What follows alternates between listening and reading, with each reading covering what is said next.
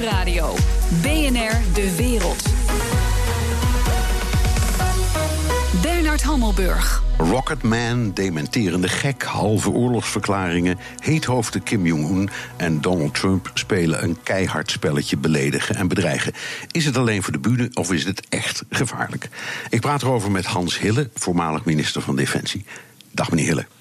Nou, meneer Hammelburg, u zit in New York, geloof ik. Hè? Ik zit in New York en u zit in Den Haag, maar. Twitterland bij uitstek, hè, New York?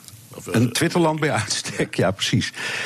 Um, eerst eventjes, als het mag, over dat onderzoek naar de, dat vreselijke ongeluk in Mali. Uh, de, de, alles is daar zo'n beetje over gezegd. Maar ik had eigenlijk één vraag waar u, over iets waar u zich vaak zorgen over maakt. Namelijk de kwaliteit van de krijgsmacht, maar ook van de apparatuur, de bewapening, de munitie, noem het allemaal maar op. Is, kan dit iets te maken hebben met, laten we zeggen, de niet zo goede kwaliteit of het niet zo goed kwalitatieve onderzoek op wapens als gevolg van, de, van geldgebrek? Het zou kunnen, ik vermoed het niet. Ik denk, defensie is sowieso een hele gevaarlijke omgeving om te werken... omdat je natuurlijk met gevaarlijke spullen omgaat. En daarom moeten de veiligheidseisen heel hoog zijn, en die zijn ook hoog. Maar aan de andere kant, het, dit soort dingen gebeuren... en dan moet nog eens een keer op, zo'n terrein moet gekeken worden... of op echt aan alles gedacht is. Ik, ik vind dat mevrouw Hennis verstandig gereageerd heeft. Ja, en uh, nou ja, we hoorden ook uh, de, de onderzoekraad zelf zeggen... het lag aan dit ene projectiel. Maar je denkt dan toch, omdat u zo vaak hamert op de kwaliteit... en uh, dat alles een beetje met plakband en paperclips aan elkaar hangt. Dus ik ja, denk maar, dan... Ja, maar bij Defensie is er ook veel te veel stress, veel te veel druk... en ehm, de, de bezuinigingen hebben daar echt huis gehouden. Ja, goed. Laten we overstappen naar... ehm uh, misschien een uh, wat groter conflict, uh, Noord-Korea. Amerika heeft samen met de rest van de wereld niet kunnen voorkomen dat Noord-Korea kernwapens heeft. Ondanks jarenlang zes landen overleg, ondanks negen VN-resoluties, sancties, noem het allemaal maar op, kunnen we gewoon zeggen dat Kim heeft gewonnen. Hij heeft wat hij wil. Nou ja, in zoverre dat dat geldt eigenlijk ook voor Pakistan, dat geldt ook voor India, dat geldt ook voor Iran. Landen die zichzelf op wereldniveau bedreigd voelen, op een of andere manier. Dat geldt voor Iran uh, in het Midden-Oosten, dat geldt met name India en Pakistan natuurlijk over en weer.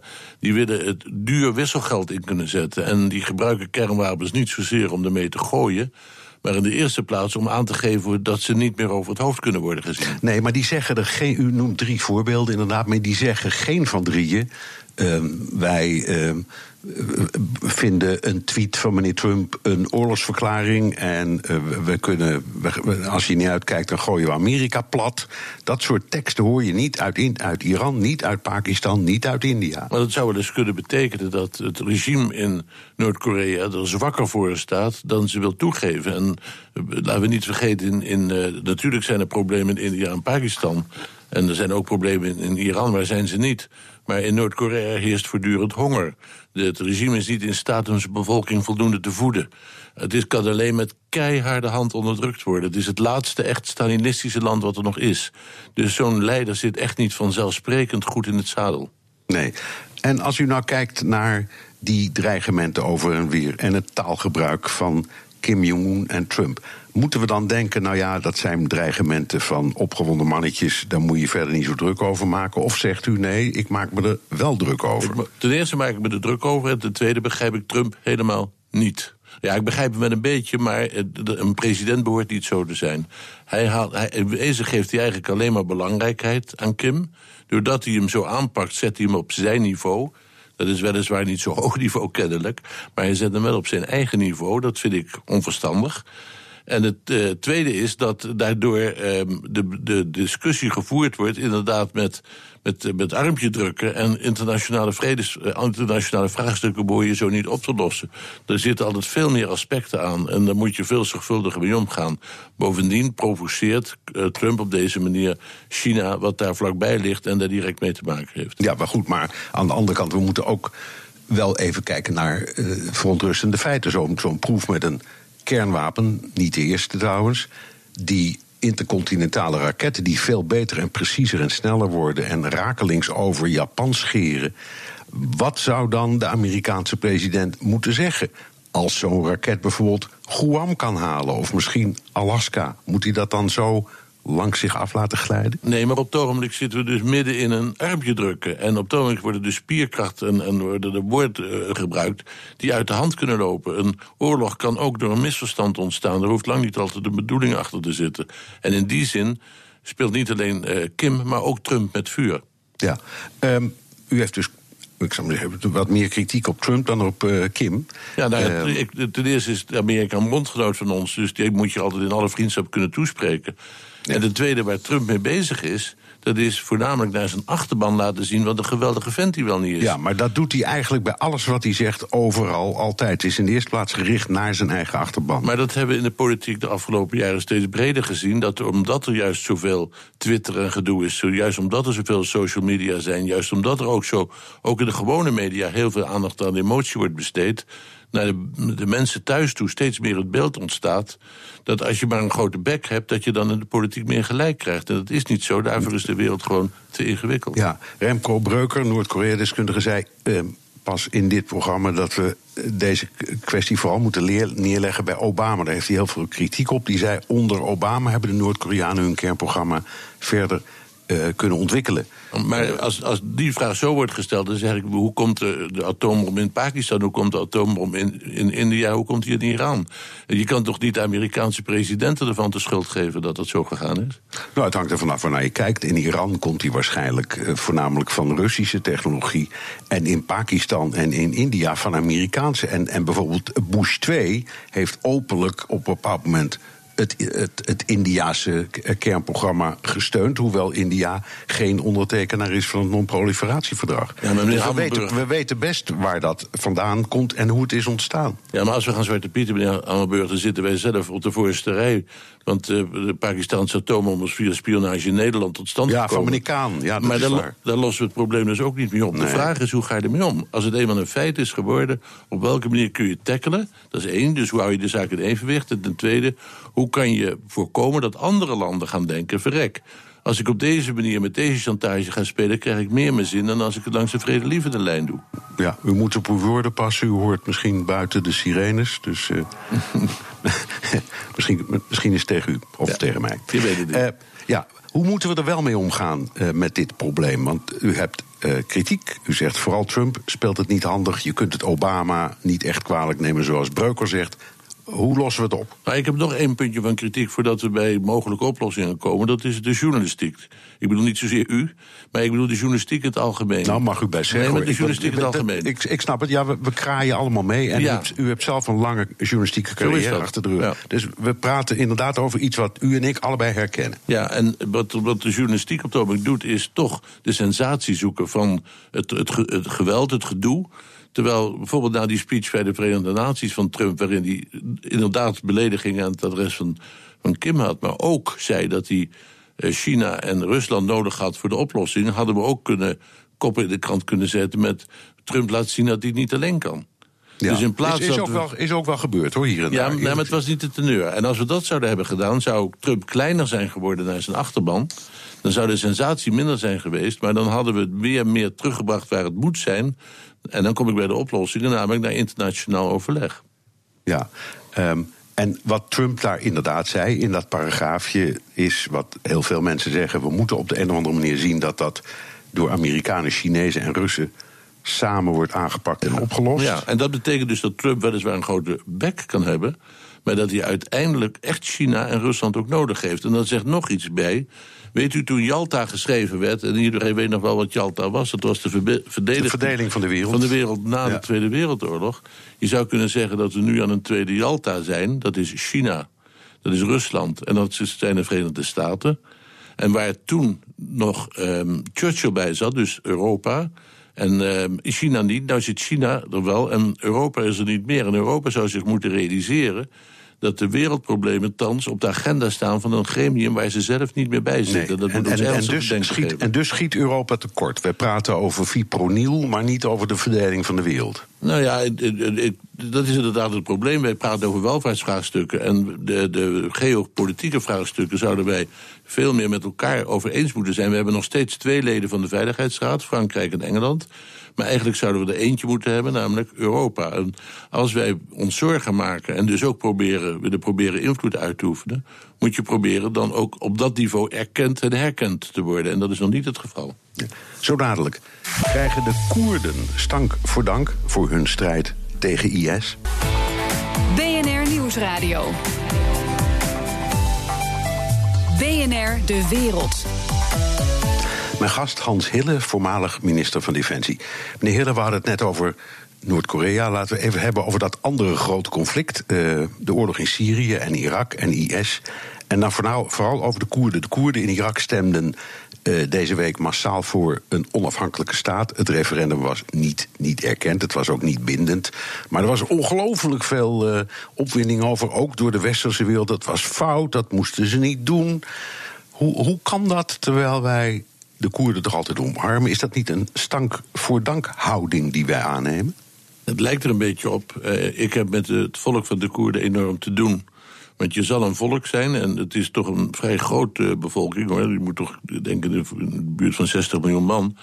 Uh, een volk wat niet een eigen land mag hebben, wel een eigen taal heeft, maar geen eigen land mag hebben en niet over zijn eigen lot kan beschikken door het domme element dat ze door de geschiedenis over vier, vijf landen verdeeld zijn. En dat betekent dat ze in elk land een minderheid vormen, uh, of, of bijna elk land een minderheid vormen.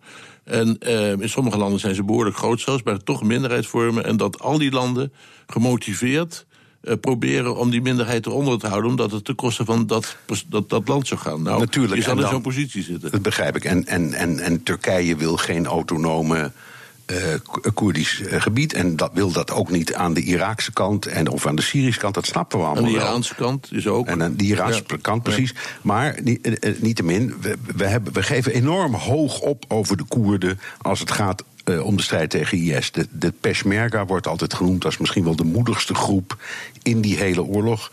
De, enige krijgsmacht die echt vecht, echt wat voor elkaar krijgt op de grond. En dan op het moment dat het, de Koerden in Irak een symbolische stemming houden, dan, dan, dan vliegen overal de stoppen door. Hoe kan dat? Nou, het is meer dan een symbolische stemming. Want op het moment dat je een uitspraak van een grote groep mensen hebt die officieel wordt vastgelegd, vanuit het Westen met name wordt de wereld toch geprobeerd democratisch te bekijken. Als het volk zich uitspreekt, moet je daar naar luisteren. Dus de, die, die stemmingen worden niet voor niks gehouden. Dat referendum is gehouden om druk op het, op het debat te zetten. En om rechten op te gaan eisen. En vandaar dat men in Irak, ook als het door een wesp gestoken re reageert. Als het alleen maar voor de gezelligheid was, dan hoorde je Irak. Nee, dat begrijp ik. Maar goed, laten we dan kijken naar de, de realiteit. Um, in Irak. Uh, hebben de Koerden al een autonoom gebied. Dus het is weliswaar niet onafhankelijk, maar het lijkt er wel een beetje op. Bovendien kun je zeggen, we doen net alsof Irak nog één land is. Maar dat is schijn, het is helemaal niet meer één land. Het is al uiteengevallen in een Koerdisch en een Soenitisch en een Shiïtisch deel. Dus waarom houden wij dat toneelstukje dan eigenlijk uh, vol? Nou, toneelstukje. Uh, Irak is inderdaad op het ogenblik niet meer de eenheidsstaat die het was. En daar maken de Koerden natuurlijk handig gebruik van. Dat u zegt de Peshmerga zo'n goede militair zijn. Ja, dat komt omdat de Koerden bijna altijd in militaire actie zijn geweest. Dus die hebben ook hele goede militairen. Maar ze kunnen die regio enorm destabiliseren, omdat ze dus in elk land hun recht hebben. Stel je eens voor dat Irak dat zou zeggen. Hè, dat Irak zou zeggen: Nou, uh, jullie mogen die provincie waar jullie zijn, mogen jullie helemaal zelf als land besturen. Dan komt vervolgens Iran, dan komt vervolgens Turkije, dan komt vervolgens Syrië. Dan gaan die Koerden hetzelfde opeisen en terecht. En het probleem is dat uh, zij, ze zijn een factor natuurlijk in die omgeving. En de Verenigde Staten heeft er nog eens een handje van. Als ze in zo'n wespennest terechtkomen en ze willen proberen daar op een of andere manier orde te scheppen. om linksom of rechtsom steun te zoeken bij uh, groepen die ze later, als het om vredesverdragen gaat of ordening gaat, eigenlijk aan het moeten vergeten, omdat ze niet mee kunnen worden genomen, omdat anders de orde niet wordt hersteld. En daarom lijkt het, of is het, is het uh, optreden, ook van de VS op dat punt, vaak niet erg conse consequent. En, en worden, weet men niet of men van, van de VS dan op aan kan of niet. En dat is, maakt het voor de Koerden extra moeilijk. Ja, maar het is niet alleen de VS. Je kunt zeggen, de VS heeft natuurlijk een vreselijke rol gespeeld in de, in de Eerste Golfoorlog, of na aan het einde van de Eerste Golfoorlog, door de Koerden op te roepen om in opstand te komen tegen Saddam Hussein en ze vervolgens te laten vallen. Mhm. Maar je kunt ook zeggen, dit geluid, dit protestgeluid komt niet alleen uit de Verenigde Staten of uit de regio, maar eigenlijk overal vandaan. Ook uit de Veiligheidsraad van de Verenigde Naties. Dus iedereen doet nou net alsof die Koerden iets vreselijks doen. Terwijl wat ik van u begrijp, u zegt ja, maar als je dat toegeeft, dan gaan ze dat misschien in andere landen ook doen. Dus, zeker, zeker. Maar dan, oké, maar dan kun je zeggen we ontraden het. Maar dit was echt een soort actie die er is gevoerd de afgelopen dagen. Nou, maar eh, vergelijkt u het nu eens met Israël bijvoorbeeld. Ook Israël heeft een groot probleem met zijn omgeving, maar Israël is erin geslaagd in 1948 een eigen land te worden. En daar hebben we sindsdien ook heel veel historie van gezien. Maar Israël heeft niet alleen dat eigen land, maar tegelijkertijd een uitstekende lobby in de hoofdsteden van die landen die uh, Israël steunen. De Koerden zijn in Nederland, in Duitsland, in de VS goed vertegenwoordigd en hebben daar hun lobby ook goed ingericht. Dus uh, uiteraard, ze, ze, proberen via de kaarten van, het wereld, van de wereldspelers hun lot te, uh, te versterken. Maar het probleem voor de Koerden blijft dat we uiteindelijk uitgaan op de wereld van de fictie dat, dat de landen grenzen hebben. En dat als landen eenmaal grenzen hebben, dat je die ook moet erkennen, omdat je anders niet meer weet met wie je zaken moet doen. Nee. Zou het handiger dan zijn als bijvoorbeeld um, de Europese Unie of Nederland of uh, nou ja, westerse landen zouden zeggen: wij sympathiseren met jullie. En als jullie streven naar autonome gebieden, dan zouden we dat best kunnen steunen. Maar doe wacht nou even met dat, dat geroep om een eigen staat. Want dat is, op, dat is niet handig. Zou dat een betere toon zijn? Nou, en ook realistischer? Realistischer. Ik, ik, ik, heb al begonnen te zeggen dat eh, de Koerden in een geweldig lastige positie zitten. Ik heb geweldig met dat volk te doen dat zo verdeeld is. Maar zij voeren een strijd die erg moeilijk is. Die, en op het moment dat wij te enthousiast vanwege emotie roepen we staan achter jullie, dan krijg je verwachtingen en ook teleurstellingen. Vergis, ook weer een andere vergelijking. Neem uh, uh, Oekraïne. Uh, toen daar de, de opstand speelde, toen waren de Europese politici die daar in de straten mee demonstreerden. En toen het erop aankwam in de Krim, gaf Europa ook niet thuis. Je moet niet te vlug in je emotie.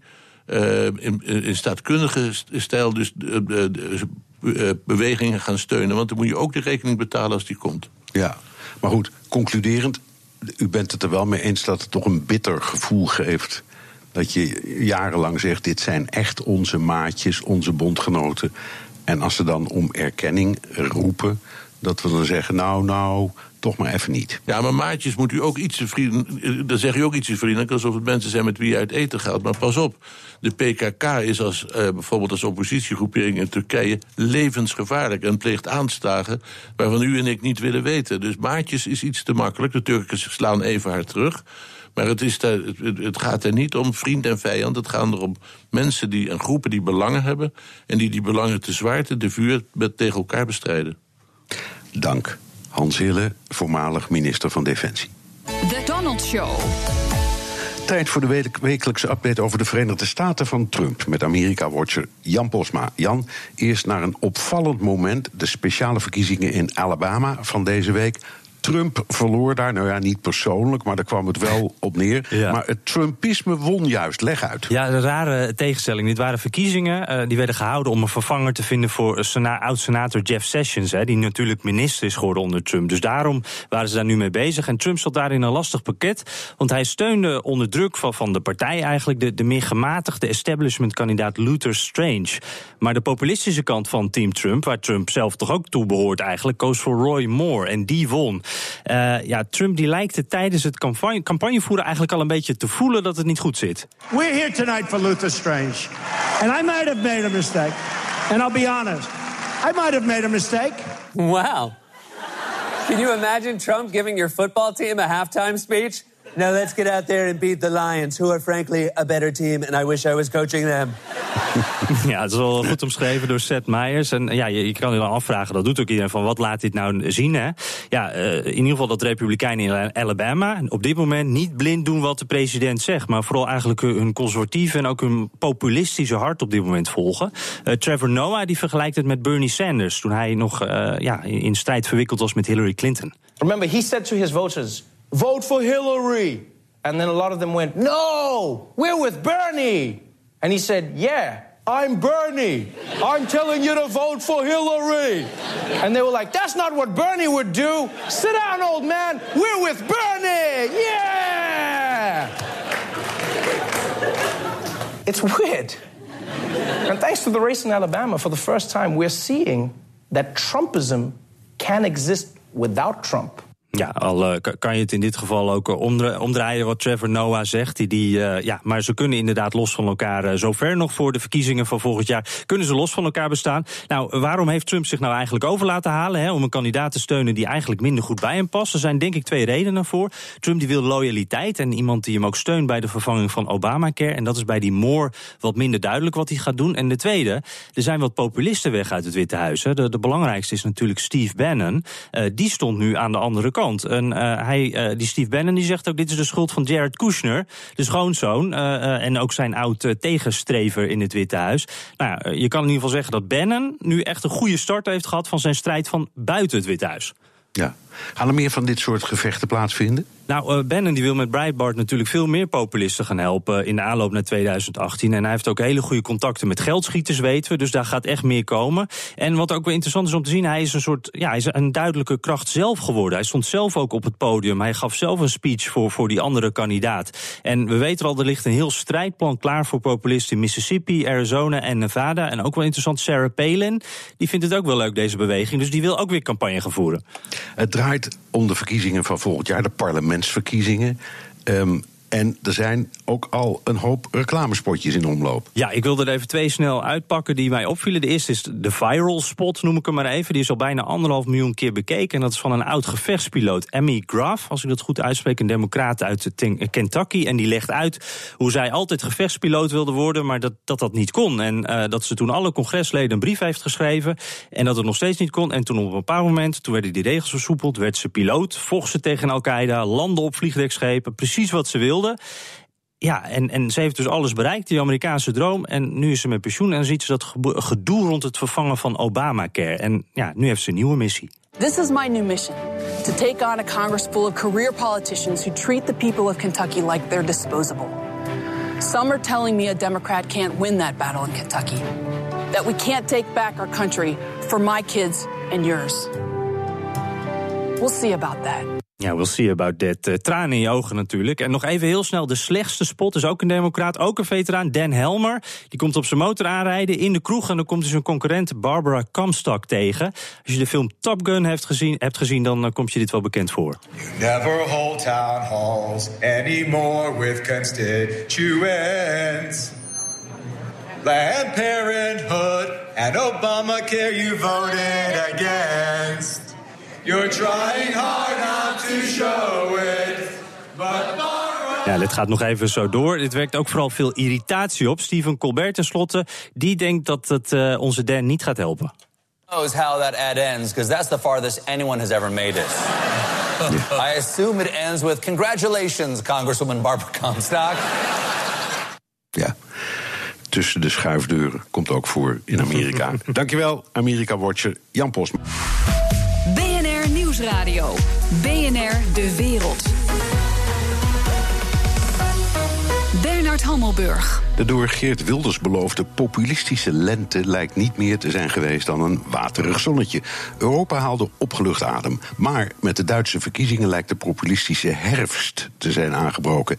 Kijk voor het weerbericht maar naar Oostenrijk. Europa-verslaggever en uh, eurometeoroloog Jesse Pinster. Over iets meer dan twee weken zijn de verkiezingen in Oostenrijk. Hoe ziet de laatste opiniepeiling uit? Hoe staat het weer erbij? Nou, de EVP uh, gaat daar winnen, lijkt het in ieder geval op. Die staan op 33 procent. Dat is uh, de Oostenrijkse Volkspartij. Conservatief, katholiek, laten we zeggen een beetje de Oostenrijkse CDA. Wordt op dit moment geleid door Christian uh, Sebastian Kurz. Dat is een 31-jarige, nu nog minister van Buitenlandse Zaken, maar waarschijnlijk dus binnenkort de premier in Wenen. Um, in Nederland was er nog wel eens kritiek op Sibrand Bruma, CDA-leider, dat hij wel erg dicht richting het gedachtegoed van de PVV uh, aanzat. Nou, Koorts die gaat daar nog wel een stapje verder in. Orde en veiligheid staat voorop, maar dat betekent vooral retoriek die anti-migratie is, anti-islam is. Nou zou dat natuurlijk een aardige strategie kunnen zijn om nou, laten we zeggen, de Oostenrijkse PVV, de FPE, een beetje de wind uit de zeilen te uh, nemen. Maar dat uh, lijkt het toch niet echt te gebeuren. Want de FPE die staat op 26 procent en is daarmee de tweede partij. Dus als we eventjes snel optellen, komen we op 59 procent. Nou, dat moet vrij makkelijk worden om met die twee partijen een nieuwe regering te gaan vormen. En dat is ook waar iedereen wel rekening mee houdt. Ja. Nou, even mollen aan de Nederlandse taal. Maar één zwaluw maakt toch nog geen herfst? Nee, maar we hebben natuurlijk afgelopen zondag gezien dat de alternatieve vuur Duitsland, de derde partij uh, in het hart van Europa, toch wel geworden is. Toch een indrukwekkend verkiezingsresultaat. Waar, ja, in een land waar ze eigenlijk altijd uh, zeggen dat ja, rechts van CDU, CSU van Merkel, daar zitten eigenlijk alleen maar naties en die willen we daar niet hebben. Dit zal nou ja, toch het debat daar wel vorm gaan geven. Tenzij de AFD, net als de LPF, uh, zijn uh, eigen grootste vijand is. Daar zijn natuurlijk ook al tekenen van. Van mensen die de partij uit, uh, uitstappen. Maar interessant is nog dat er nog een verkiezing is in Europa. Vijf dagen slechts na Oostenrijk gaan ze in Tsjechië naar de stembus. En daar zal zakenman André Babic waarschijnlijk de grote winnaar zijn. En deze man die wordt eigenlijk al een beetje omschreven als ja, dus Donald Trump, de Silvio Berlusconi van Tsjechië. Streng migratiebeleid. Hij heeft eerder gezegd: in Tsjechië zijn geen plaats voor migranten. En ja, toch wat kille houding richting de Europese Unie. Um, hij zei over de speech van Macron van afgelopen dinsdag van... nou, Frankrijk ga eerst zelf maar eens uh, de boel op orde brengen... want meer Europese integratie, dat gaat alleen maar leiden tot meer landen... die à la Groot-Brittannië uit de Europese Unie willen gaan ja, stappen. Nou, nou, nou heb jij al enige keren in dit programma gezegd... er heerst toch bij de Europese Unie weer een hoop optimisme. Uh, hebben we een beetje te vroeg gejuicht? Ja, uh, misschien toch wel een, een, klein beetje. Kijk, ze hebben natuurlijk een punt als ze zeggen... die Europese uh, populisten in Frankrijk, in uh, Duitsland, in Nederland... ja, die zijn niet aan de macht gekomen. Dat klopt, zolang ze in ieder geval in Oostenrijk... nog niet naar de stembus zijn gegaan. Maar ja, het optimisme wat je inderdaad hoort in de State of the Union van Juncker... zo'n twee, drie weken geleden, Macron afgelopen week... ja, daar hoor je toch de, de Europese integratiedromen weer bovenkomen. Nou was ik gisteren in, bij een bijeenkomst in Den Haag. Daar was Eurocommissaris Frans Timmermans ook aanwezig. Die heeft uh, een tijdje terug, nog voor de uh, State of the Union, gezegd... ja, die populistische lente is een Europese lente geworden. Nou, op die bijeenkomst gisteravond werd teruggekeken... op het afgelopen verkiezingsjaar in Europa. En toen heb ik hem achteraf toch even gevraagd of Europese lente... of dat niet wat ver gaat op dit moment. Het populisme is niet weg, is nog een hele sterke kracht in Europa. En we moeten ook niet denken, heb ik vanavond nog herhaald... dat de problemen die daartoe geleid hebben weg zijn. Die zijn er nog in volle omgang.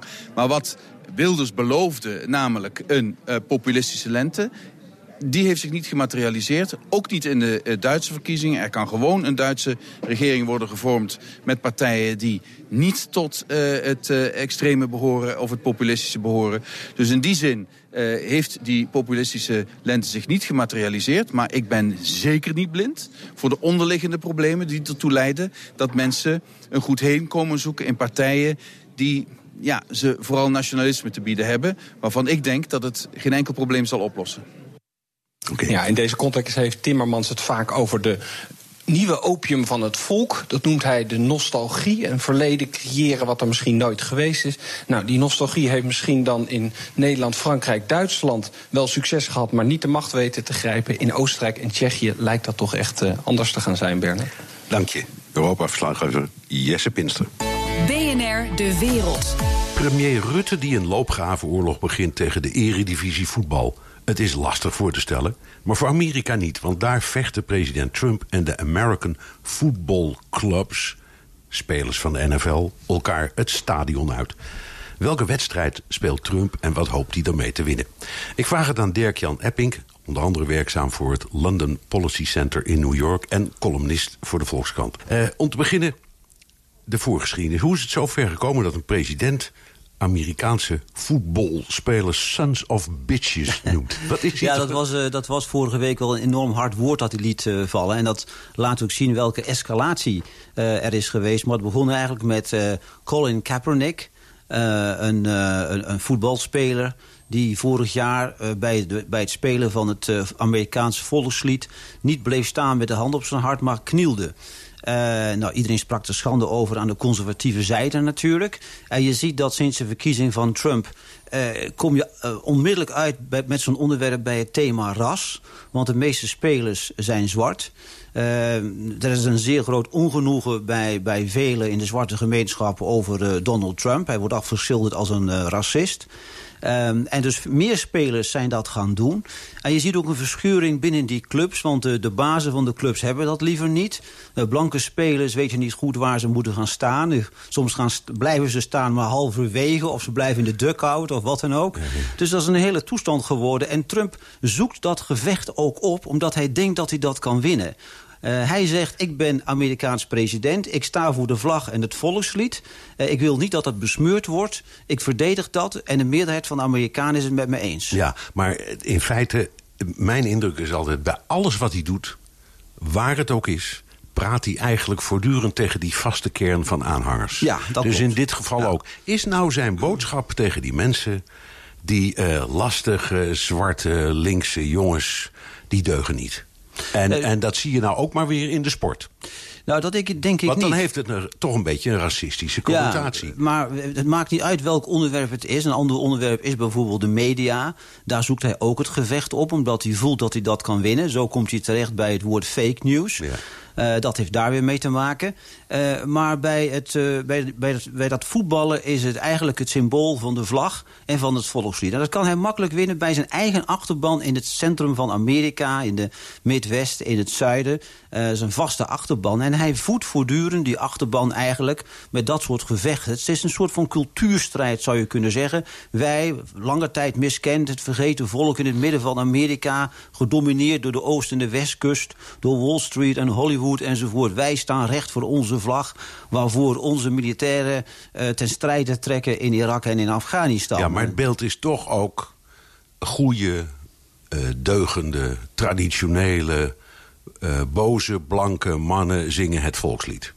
En, en, en Oh, hoele, hooligans en tuig die gaan dan knielen en doen het niet. Inclusief Nee, hun nee, buizen. nee. Kijk, het Amerikaans volkslied, eh, dat heeft in, Amerikaanse, in Amerika zeer, zeer veel respect. Want veel Amerikanen hebben bijvoorbeeld de vlag buiten hangen. Dat zie je bijna in Nederland eh, nergens. Ja, of op hun auto's zie je het Ja, ook, of de auto's. Je ziet dus dat Amerikanen, het zijn niet alleen boze blanke mannen... maar er zijn heel veel Amerikanen, zijn zeer trots op hun land. Het is ook een jonge natie...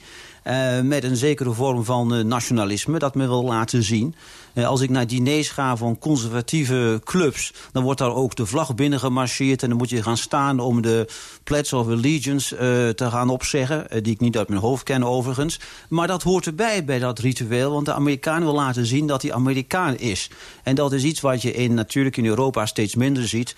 dat men wil opstaan voor de eigen identiteit, voor de eigen nationaliteit. Maar dat Amerika is dat springleven. En, en he- bereikt, of heeft Trump met dit relletje bereikt wat hij wilde? Of heeft hij zich toch ook belachelijk gemaakt? Want er gebeurden de meest vreselijke dingen op de wereld... terwijl hij dit deed. Er was een, een natuurramp in Puerto Rico... waar hij nauwelijks Ja. aandacht voor had. En hij begon over het volkslied en voetbal. Ja, het opvallende van Amerika is dat wat er ook gebeurt in de wereld... men komt altijd terug bij dezelfde thema's in Amerika zelf. Van waar staat Amerika voor, de Amerikaanse cultuur. Het kan ook zijn abortus. Het kan zijn uh, bijvoorbeeld de media. Uh, dat zijn eigenlijk de strijdpunten van een soort van uh, Amerikaanse cultuuroorlog... die er bestaat tussen zeg maar, democraten en republikeinen... waar Trump zich eigenlijk tussen heeft genesteld... en zegt van, ik vind dat de symbolen van dit land respect verdienen. Zo dadelijk. Om in sporttermen te blijven. In Rotterdam zeggen ze geen woorden maar daden. Straks kijken we niet naar de woorden, maar de daden van de Amerikaanse president. BNR Nieuwsradio. BNR De Wereld. Net had ik het met mijn gast Dirk-Jan Epping... werkzaam voor het London Policy Center in New York... en columnist voor de Volkskrant... over de ruzie tussen Trump en de American football spelers. Die wedstrijd lijkt nog onbeslist. Op welke punten heeft hij nou wel gescoord? Of niet gescoord? Laten we er even naar kijken. Um, een aantal beleidsterreinen. Eerst plaats natuurlijk Obamacare. Zeven jaar vechten door de Republikeinen. Een, een Republikeinse president, een Republikeins Huis van Afgevaardigden, een Republikeinse Senaat. En het is opnieuw, en ik denk definitief, mm -hmm. misgegaan. Is dat nou Trump of is het de Republikeinse Partij? Of is hij niet krachtig genoeg om die Republikeinen in te dammen? Wat is er aan de hand? Nou, kijk, het is wat moeilijk om hier de schuld meteen te leggen bij uh, Donald Trump omdat wetgeving is een zaak van het congres. Dus Trump kan niet zelf de wet schrijven en zeggen... nou, die is aangenomen. Je zou zeggen, gelukkig maar, want het is wel een nou, democratie. Daarvoor is het een democratie. En de instellingen zijn sterker dan personen. En over vier jaar zit er misschien iemand anders. Uh, dat is deel van het systeem. Maar hij schrijft niet de wet. Hij is afhankelijk uh, waar het congres mee komt. En de druk ligt op de republikeinse fracties... in het Huis van Afgevaardigden en de Senaat... om met een tekst te komen. Nu, in, de, in het Huis van Afgevaardigden hebben ze een tekst gemaakt... maar in de Senaat lukt dat niet. Uh, men is het voortdurend oneens. Trump is daar boos over. Hij is gefrustreerd. Hij verstuurt tweets. Hij, hij zet druk op die senatoren om eruit te komen. En dat is uh, niet gelukt. en ik denk dat zijn conclusie nu zal zijn van... kijk, als het met de Republikeinen niet lukt... dan ga ik met de Democraten praten. En dat heeft hij ook al gedaan. Ja, voor, voor de begroting. Voor de begroting, om ja. snel het, het, probleem van een tekort in de begroting op te lossen. Ja. omdat hij de slachtoffers van de verschillende stormen die er zijn geweest... wilde betalen, anders was, was, zou dat niet hebben maar, gekund. Maar even terug naar, naar het lukt hem dus niet.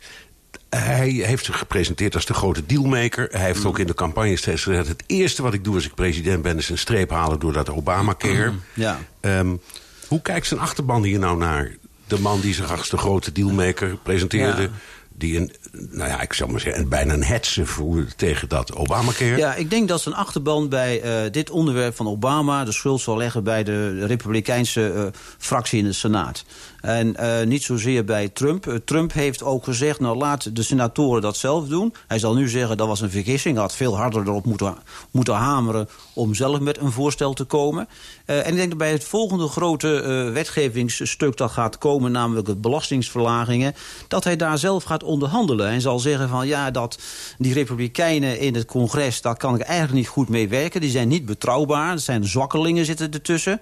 Niks nutten enzovoort. Ik zal ze per tweets bestrijden. Maar ik ga ook met democraten praten. Ik ga een aantal democraten paaien met leuke dingen in hun staten... als ze, voor, voor, als ze meestemmen met de belastingsverlaging. Dus hij gaat daar onderhandelen met de twee tegelijk. Dat is zijn les, denk ik, van het mislukken van de afschaffing van Obamacare... die dus nu wel blijft, maar die wel langzamerhand in elkaar zakt.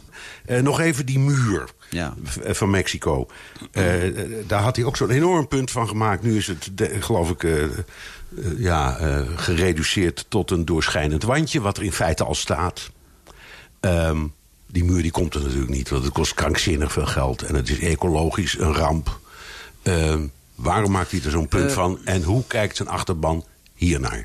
Nou, die muur is een van de meest populaire dingen geweest in, de, in zijn verkiezingscampagne. Dus zodra hij zei The Wall, begon iedereen in die zalen te juichen en te roepen... The Wall, we want the Wall... Um, die wall wordt niet een soort van Chinese muur waar je overheen kunt lopen. Maar waar die komt zal, die, uh, door, zal meer een soort van een groot uitgebreid hekwerk zijn waar je doorheen kunt kijken. Dat begint hij zelf ook al te vertellen trouwens. Hij had het over een doorzichtige muur. Nou ja, dat is dus een hekwerk met tralies enzovoort. Ja, maar er staat er al voor een groot deel. Nou, niet, niet over, dat hele, over dat hele stuk.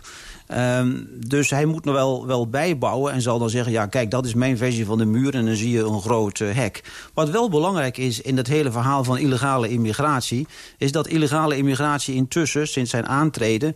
met uh, volgens sommigen 70% of 60% is gedaald. Dus de aan trekkende werking, de aanzuigende werking van immigratie, illegale immigratie naar de VS, is verminderd omdat mensen in Centraal-Amerika denken, ja, die Trump dat is een gevaarlijke vent, die gooit er ons zo weer uit. Ja. Dus men komt niet en meer. Dat is waar. En er staan illegale in Amerika te dringen aan de Canadese grens, omdat ze denken we worden eruit gegooid. Dus het heeft inderdaad effect. Dat valt niet te ontkennen. Uh, ja, dat is het, dat is het psychologisch effect van de, van de aanzuigende werking. Die wordt, uh, die wordt verminderd. Dus okay, dat is zijn, er wel. Maar het zijn toch ook wel symbolen. Zo die nieuwe, nou komt hij weer met nieuwe immigratiemaatregelen tegen Iran, Libië, Noord-Korea, Venezuela, Syrië begrijpelijk op zichzelf, maar dat, dat levert toch helemaal niks op? Nou ja, kijk, de immigratie uit Noord-Korea is waarschijnlijk nul. Nee, precies. dus uh, daar hoef je niet zo echt zo'n zo'n travel ban voor uh, te maken. Maar als ik kijk naar wat heeft hij gedaan wat hij kon doen... Uh, nou, er is een conservatieve meerderheid in het Hoge Rechtshof nu. dat had hij beloofd en dat is ook gebeurd. met een zekere pijn en moeite. Uh, en hij heeft natuurlijk ook veel uh, wetgeving afgeschaft, deregulering. Dus regels afgeschaft in, in, in de besluiten die hij kan nemen met een executive order. Um, vooral op het gebied van, uh, van milieubeleid. Hij heeft Amerika teruggetrokken uit het Parijsakkoord. Hij heeft het vrijhandelsakkoord in, het, in de Stille Oceaangebied heeft hij ook opgezegd. Uh, dus heeft wel een aantal dingen gedaan die hij beloofd heeft. Alleen is de vraag van de, de, de, de soep wordt minder heet gegeten. Jawel, en de vraag is ook wat levert het op? Nou ja, dat is een... Kijk, als ik nu zie het, uh, het, het, het, het, de voorstellen voor een belastingsverlaging... Ja, sorry, daar, daar, daar, en, daar, hadden we het net over. Ik onderbrak je daar inderdaad. Dat is nu actueel omdat de eerste plannen komen... en iedereen daarvan zegt, de structuur is wel duidelijk lagere vennootschapsbelasting, vereenvoudiging van inkomstenbelasting. Maar concreet is er nog niks ingevuld. Uh, nee, hij moet hier, uh, denk ik, eerst de meerderheden gaan zoeken in het uh, congres. Maar het is wel zo dat iedereen is het erover eens... dat het Amerikaanse belastingssysteem is achterhaald, ouderwets. De vennootschapsbelasting is de hoogste in de, in de wereld van de ja. industriële landen, 35 procent. Hij wil dat naar 15 procent brengen. Uh, er zijn heel veel schijven ook in de inkomstenbelasting. Dus hij wil dat allemaal gaan vereenvoudigen. Democraten zijn daar voor een deel mee eens. Hij vindt ook dat, am, dat Amerikaanse bedrijven die uh, hun spaargelden in het buitenland parkeren... om zo aan de, greep van de Amerikaanse fiscus te ontkomen... dat die dat geld naar Amerika, Amerika kunnen halen tegen een laag tarief. En met dat geld wil je dan weer een groot investeringsfonds oprichten.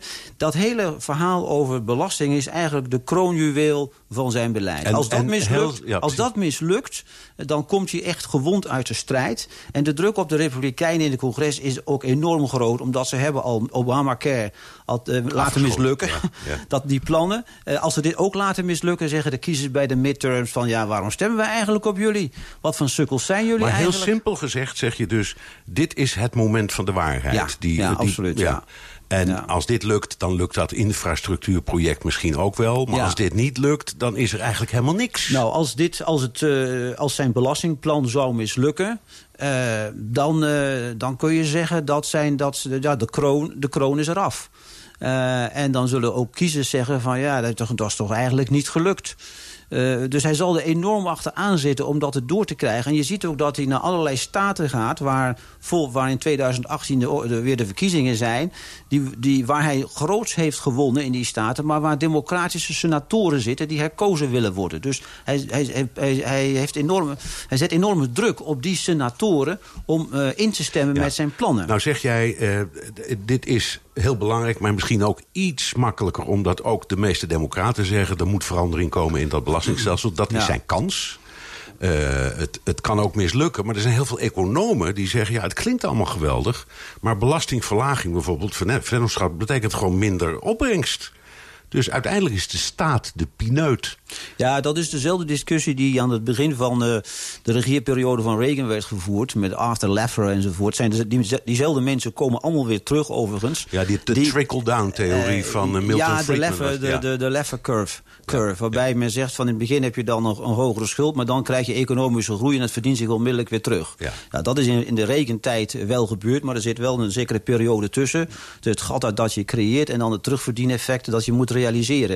Uh, maar Amerikanen, heb ik de indruk, die, die, die spreken daar vrij uh, makkelijk over. Ze zeggen, nou, dan gooi je er wat geld tegenaan en dan komt vanzelf uh, komt het weer nou, terug. goed, je kan Als zeggen, dus... het land is rijk genoeg voor een wat hogere staatsschuld. Dat is, zo erg is dat allemaal ja, niet. het is ook zo dat als je eenmaal een, een economische groei hebt van ongeveer 3% of meer... Nou, dan zit je in de goede richting. Hij zit er al vlakbij, want door die deregulering is, is de economie verder gegroeid. De beurs staat helemaal bol van die verwachtingen. En ook als, als dat belastingsplan zou mislukken... dan denk ik dat de beurs een stuk terugzakt.